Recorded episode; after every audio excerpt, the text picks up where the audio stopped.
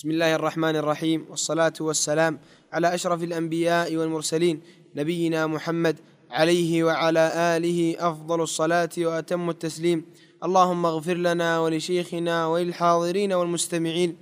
قال المؤلف رحمه الله تعالى باب التفليس والحجر. عن أبي بكر بن عبد الرحمن عن أبي هريرة رضي الله عنه قال سمعنا رسول الله صلى الله عليه وسلم يقول من أدرك ماله بعينه عند رجل قد أفلس فهو أحق به من غيره. متفق عليه. ورواه أبو داود ومالك من رواية أبي بكر بن عبد الرحمن مرسلا بلفظ أيما رجل باع متاعا فأفلس الذي ابتاعه ولم يقض الذي باعه من ثمنه شيئا فوجد متاعه بعينه فهو أحق به وإن مات المشتري فصاحب المتاع أسوة الغرماء ووصله البيهقي وضعفه تبعا لأبي داود. بسم الله الرحمن الرحيم الحمد لله رب العالمين صلى الله وسلم وبارك على نبينا محمد وعلى آله وأصحابه أجمعين أما بعد. هذا باب التفليس والحجر. الإفلاس مصدر أفلس أي صار إلى حالة لا يملك فيها فلسا بفتح الفاء. والإفلاس أيضا الانتقال من حالة اليسر إلى حالة العسر وفي الاصطلاح كما ذكر الفقهاء من دينه أكثر من ماله ولم يوفي هذا المال الغرماء والحجر كذلك في اللغة المنع وهو منع الإنسان من التصرف في ماله والحجر نوعان حجر لحظ غيره كالمحجور عليه الغرماء وعلى المريض إذا زاد على الثلث وحجر لحظ النفس وهو الحجر على الصغير. وهذا الحديث يبين فيه النبي عليه الصلاة والسلام أن من أدرك ماله بعينه عند رجل قد أفلس فهو أحق به من غيره متفق عليه. هذا إذا أفلس رجل ولشخص آخر عنده مال وجده بعينه لم يتغير منه صفات ولم يزد منه شيء فيه شيء وإنما هو على حاله ولم ينقص منه شيء إلا أن يرضى صاحب المال. فإنه أحق به. لكن إن مات هذا الرجل الذي عليه الدين فإن هذا يكون أسوة الغرماء كما دلت عليه الرواية الثانية وإن مات المشتري فصاحب المتاع أسوة الغرماء. ولا شك أن هذا يدل على أن صاحب المال إذا وجد ماله عند من قد أفلس وهو حي لم يمت المفلس فإنه في هذه الحالة له أن يأخذ ماله. هو أحق به ما لم تتغير الصفات. كان يكون قد غير هذه الصفات باع عليه خشبا فنشر هذا الخشب وجعل منه أبواب أو غير ذلك من تغير الصفات الظاهرة. فإنه يكون في هذه الحالة أسوة الغرماء يكون مع الغرماء يشتركون في المال الموجود إلا إذا مات أو تغيرت الصفات كما تقدم. والرواية الثانية التي هي في حديث أبي هريرة أنه قال لأقضين فيها ثم قال في الحديث بقضاء رسول الله صلى الله عليه وسلم من أفلس أو مات فوجد رجل متاعه بعينه فهو أحق به. فقول هذا الحديث ضعيف ذكر العلماء بأنه ضعيف لأن هذا يدل على أنه حتى ولو مات فالحديث ضعيف لا يعتمد عليه بل الصواب أن المفلس إذا مات كان البائع أسوة بالغرماء كما تقدم. نعم. أحسن الله إليك. ورواه أبو داود وابن ماجه من رواية عمر بن خلدة قال أتينا أبا هريرة رضي الله عنه في صاحب لنا قد أفلس فقال لأقضين فيكم بقضاء رسول الله صلى الله عليه وسلم. من أفلس أو مات فوجد رجل متاعه بعينه فهو أحق به وصححه الحاكم وضعفه أبو داود وضعف أيضا. هذه الزيادة في ذكر الموت. تقدم أن العلماء رحمهم الله تعالى ذكروا بأن هذا الحديث ضعيف لا يعتمد عليه بل الصواب أن المفلس إذا مات كان البائع أسوة بالغرماء كما تقدم. نعم. وعن عمرو بن الشريد عن أبيه عن رضي الله عنه قال قال رسول الله صلى الله عليه وسلم لي الواجد يحل عرضه وعقوبته. رواه أبو داود والنسائي وعلقه البخاري وصححه ابن حبان. هذا يدل على أن لي الواجد أي مطله إذا مطل وتأخر في القضاء يحل عرضه وعقوبته.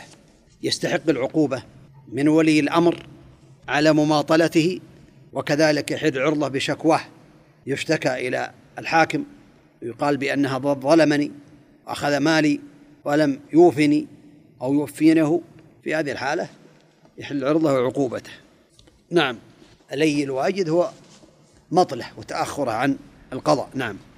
عن أبي سعيد الخدري رضي الله عنه قال أصيب رجل في عهد رسول الله صلى الله عليه وسلم في ثمار ابتاعها فكثر دينه فأفلس فقال رسول الله صلى الله عليه وسلم تصدقوا عليه. فتصدق الناس عليه ولم يبلغ ذلك وفاء دينه. فقال رسول الله صلى الله عليه وسلم لغرمائه خذوا ما وجدتم وليس لكم إلا ذلك. رواه مسلم. تقدم أن النبي عليه الصلاة والسلام أمر بوضع الجوائح. وفي هذا الحديث ذكر العلماء أن هذا في رجل كثر دينه بأسباب جائحة أصابت ثماره التي اشتراها. على وجه لم يكن مضمونا على من باعها عليه لأنه قد قبض ثماره وتصرف فيها أو أنه أخر القبض الشرعي فيحمل على ذلك أو نحوه.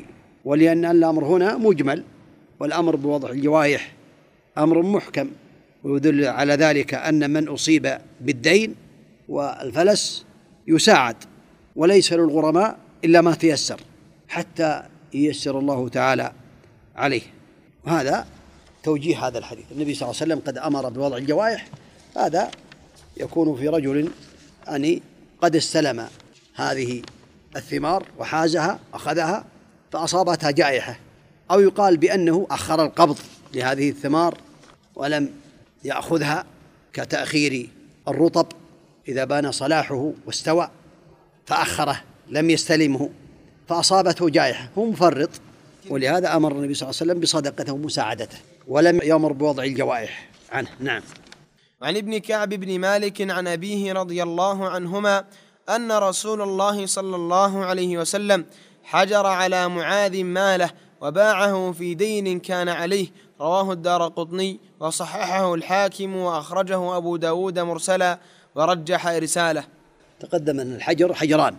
حجر لحظ الغير وحجر لحظ النفس. فالحجر لحظ الغير كالحجر على المفلس والحجر لحظ النفس كالحجر على الصغير كما سيأتي. ومعاذ رضي الله عنه ذكر العلماء بأنه كان كريما رضي الله عنه كان يكرم الناس فأصابه الإفلاس. فحجر عليه النبي صلوات الله وسلامه عليه. نعم هذا يدل أن الحاكم يحجر على المفلس كأن يقول حجرت عليك التصرف في مالك. نعم. عن ابن عمر رضي الله عنهما قال عرضت على النبي صلى الله عليه وسلم يوم أحد وأنا ابن أربع عشرة سنة فلم يجزني. وعرضت عليه يوم الخندق وأنا ابن خمس عشرة سنة فأجازني متفق عليه. وفي رواية للبيهقي فلم يجزني ولم يرني بلغت وصححه ابن خزيمة. وعن عطية القرظي رضي الله تعالى عنه قال عرضنا على النبي صلى الله عليه وسلم يوم قريضة فكان من أنبت قتل ومن لم ينبت خلى سبيله فكنت ممن لم ينبت فخلى سبيلي. رواه الأربعة وصححه ابن حبان والحاكم وقال على شرط الشيخين. هذان الحديثان يدلان على الحجر لحظ النفس. فحديث ابن عمر أنه عرض على النبي صلى الله عليه وسلم يدل على أن الصغير لا يتصرف في ماله قبل البلوغ وأن البلوغ يحصل ببلوغ خمسة عشر عاما. هذا نوع من أنواع العلامات التي يبلغ بها الإنسان ويكون مكلفا. والنوع الآخر كما في الحديث الثاني أن ينبت حتى ولو لم يبلغ خمسة عشر سنة. أن ينبت شعر الخشن حول القبل وهي العانة. فإذا حصل هذا فإنه يصبح ذلك بذلك مكلفا. إذا كان عاقلا العلامة الثالثة الإنزال. فإذا أنزل سواء كان باحتلام أو غيره فقد بلغ وأصبح مكلفا والعلامة الرابعة حصول الحيض للمرأة. فمن حصلت له علامة من هذه العلامات فقد أصبح مكلفا وأصبح بالغا يتصرف في ماله إذا كان رشيدا. إذا كان رشيدا يحسن التصرف في المال. نعم. عن عمرو بن شعيب عن أبيه عن جده رضي الله عنهما أن رسول الله صلى الله عليه وسلم قال لا يجوز لامرأة عطية إلا بإذن زوجها. وفي لفظ لا يجوز للمرأة أمر في مالها إذا ملك زوجها عصمتها. رواه أحمد وأصحاب السنن إلا الترمذي وصححه الحاكم. قد ثبت في الأحاديث عن النبي عليه الصلاة والسلام أن المرأة تتصرف في مالها وأقرهن النبي صلى الله عليه وسلم على ذلك حينما أمرهن بالصدقة في العيد. وكل واحدة صارت تلقي من أخراصها ومن فتخها ولم يقل عليه الصلاة والسلام لهن استأذن أزواجكن. فأقره النبي عليه الصلاة والسلام. وهذا الحديث قال الخطابي عن الجمهور هذا محمول على حسن العشرة. ومنهم من قال بأنه يحمل على حسن العشرة. ومنهم من قال من باب المشاورة تشاور زوجها في مالها. وقال جماعة آخرون يحمل على ما زاد على الثلث. وليس لهذا وجه كما ذكر المحققون من أهل العلم فالمرأة تتصرف في مالها إذا كانت مكلفة أي عاقلا بالغا رشيدة. ومنهم من حمل على غير الرشيدة غير الرشيدة التي لا تحسن التصرف في المال فكذلك.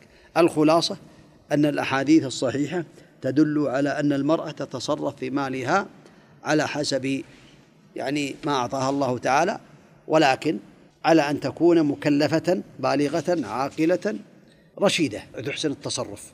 نعم. نعم. ذكروا بأنه حديث شاذ مخالف للحديث الصحيح. نعم. وعن قبيصة ابن مخارق رضي الله عنه قال قال رسول الله صلى الله عليه وسلم إن المسألة لا تحل إلا لأحد ثلاثة رجل تحمل حمالة فحلت له المسألة حتى يصيبها ثم يمسك. ورجل أصابته جائحة اجتاحت ماله فحلت له المسألة حتى يصيب قواما من عيش. ورجل أصابته فاقة حتى يقول ثلاثة من ذوي الحجى من قومه لقد أصابت فلانا فاقة فحلت له المسألة. رواه مسلم. هذا يدل على أن الإنسان لا يجوز له أن يسأل المسألة لأنها كدح في وجه الإنسان. إلا لثلاثة أمور بينها النبي عليه الصلاة والسلام. رجل تحمل حمالة فحلت له المسألة حتى يصيبها ثم يمسك.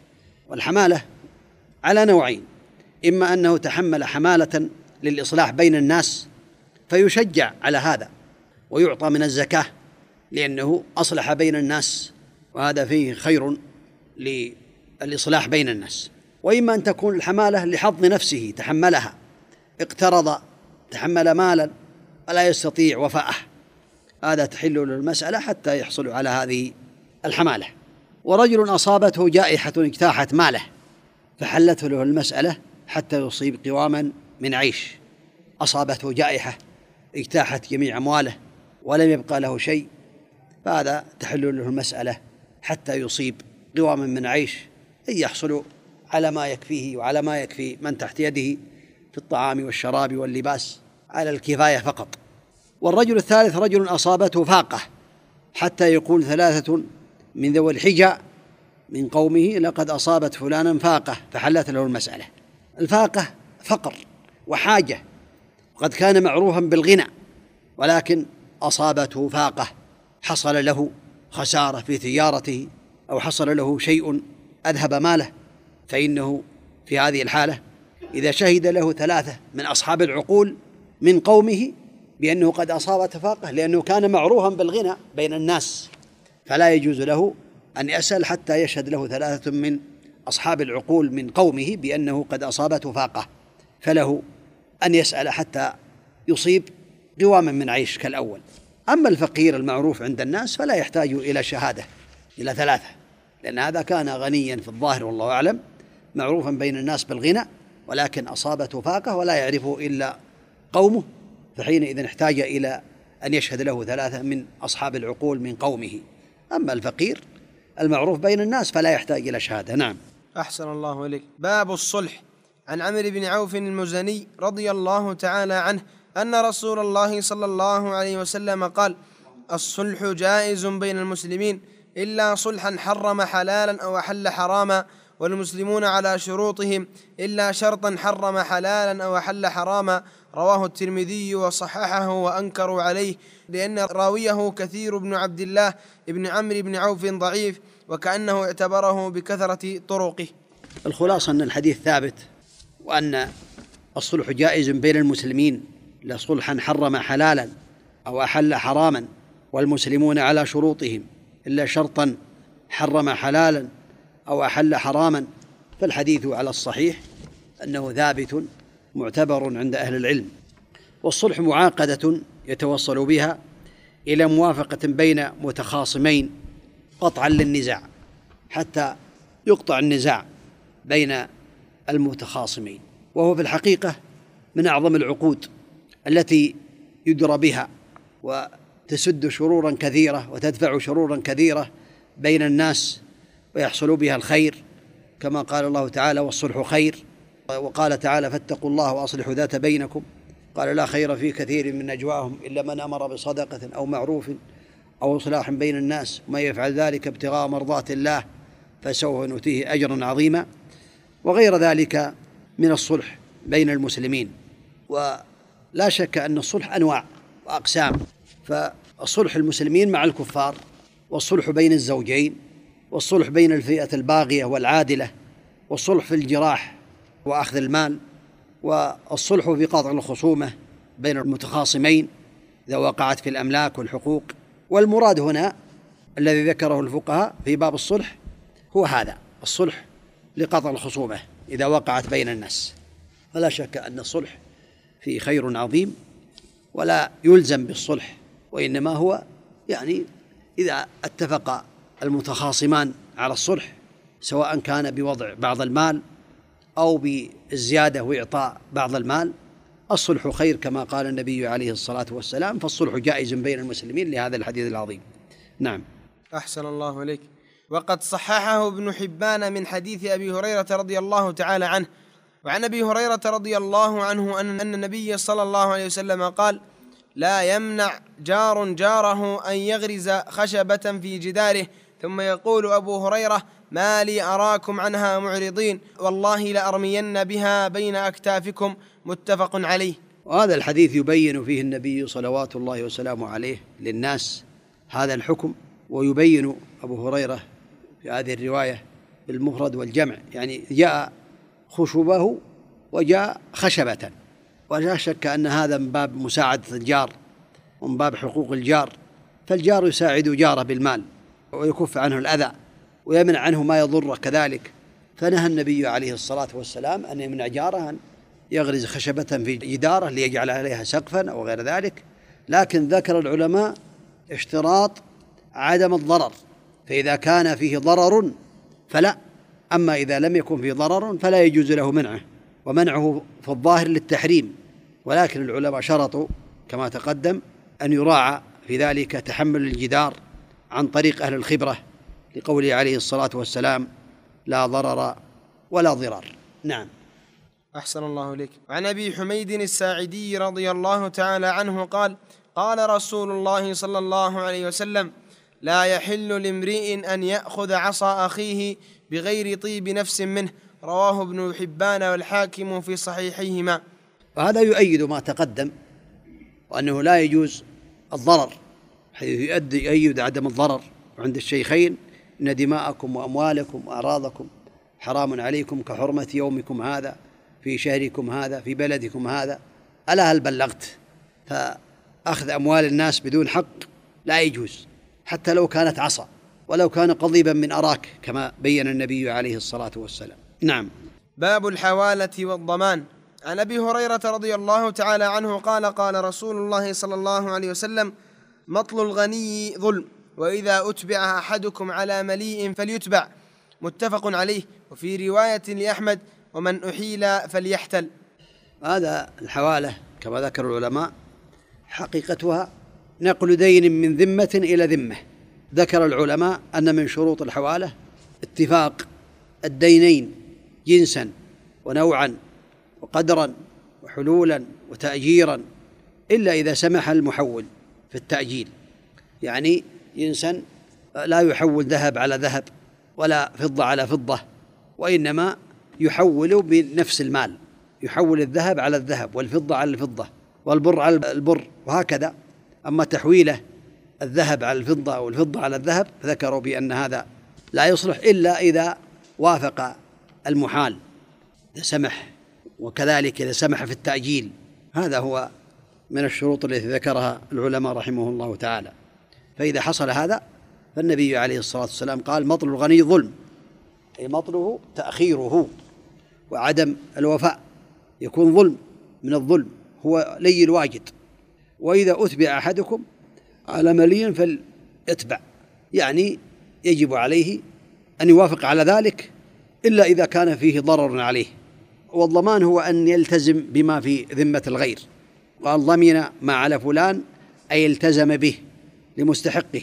هذا هو الضمان يلتزم به. والكفالة هو أن يكفل إحضار بدن أو عينه.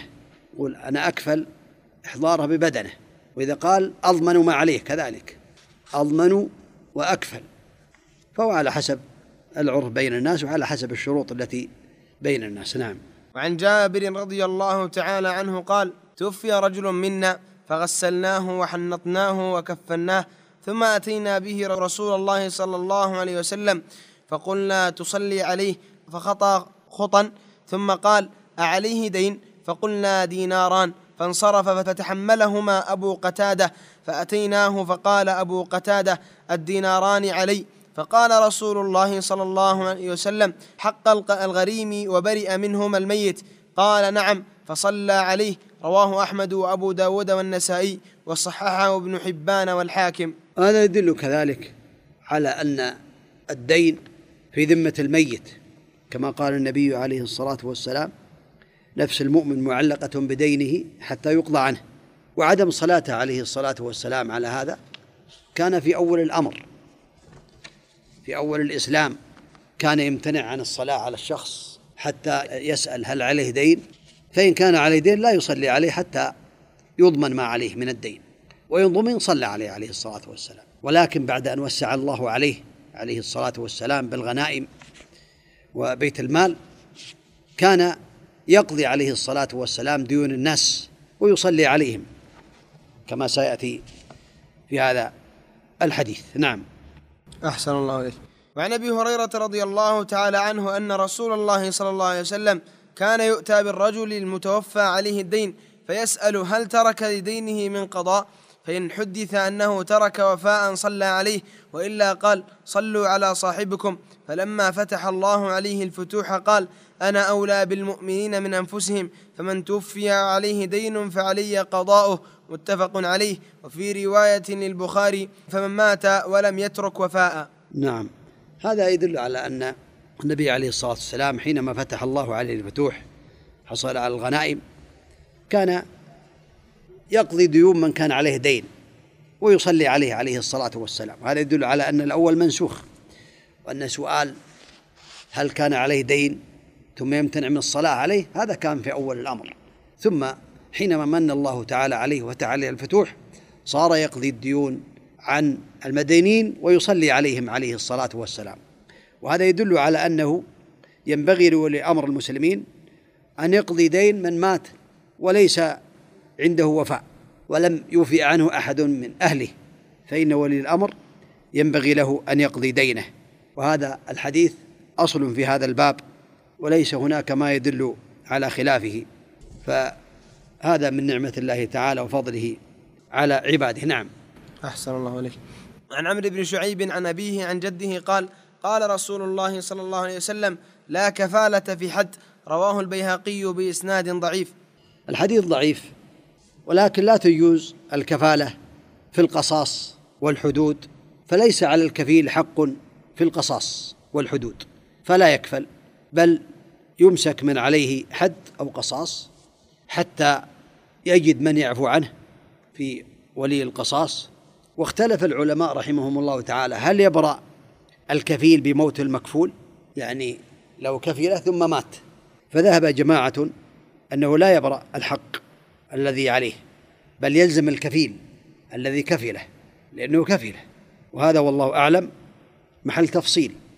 فإذا قال أكفل إحضاره ولا أكفل الديون التي عليه فحينئذ لا يضمن ما عليه. وإذا قال أكفله وأضمنه فإنه إذا مات يضمن ما عليه. إذا مات فإنه يضمن ما عليه. حتى ولو أطلق لو قال أنا أكفله فمات. فالأقرب والله أعلم أنه يضمن ما عليه. إلا إذا فصل قال أكفله ولا أضمن ما عليه. فإنه في هذه الحالة لا يضمن ما عليه إذا مات. هذا ينبغي المسلم أن يحتاط لهذا وينتبه. فلا يكفل أحدا إلا إذا يضمن ما عليه إذا مات. أو يقول أنا أكفل إحضاره أحضره ولا أكفل ما عليه. هذا يبين يفصل حتى يكون في سلامة. نسأل الله عز وجل لنا ولكم العلم النافع والعمل الصالح والتوفيق لما يحب ويرضاه. صلى الله وسلم وبارك على نبينا محمد وعلى آله وأصحابه أجمعين.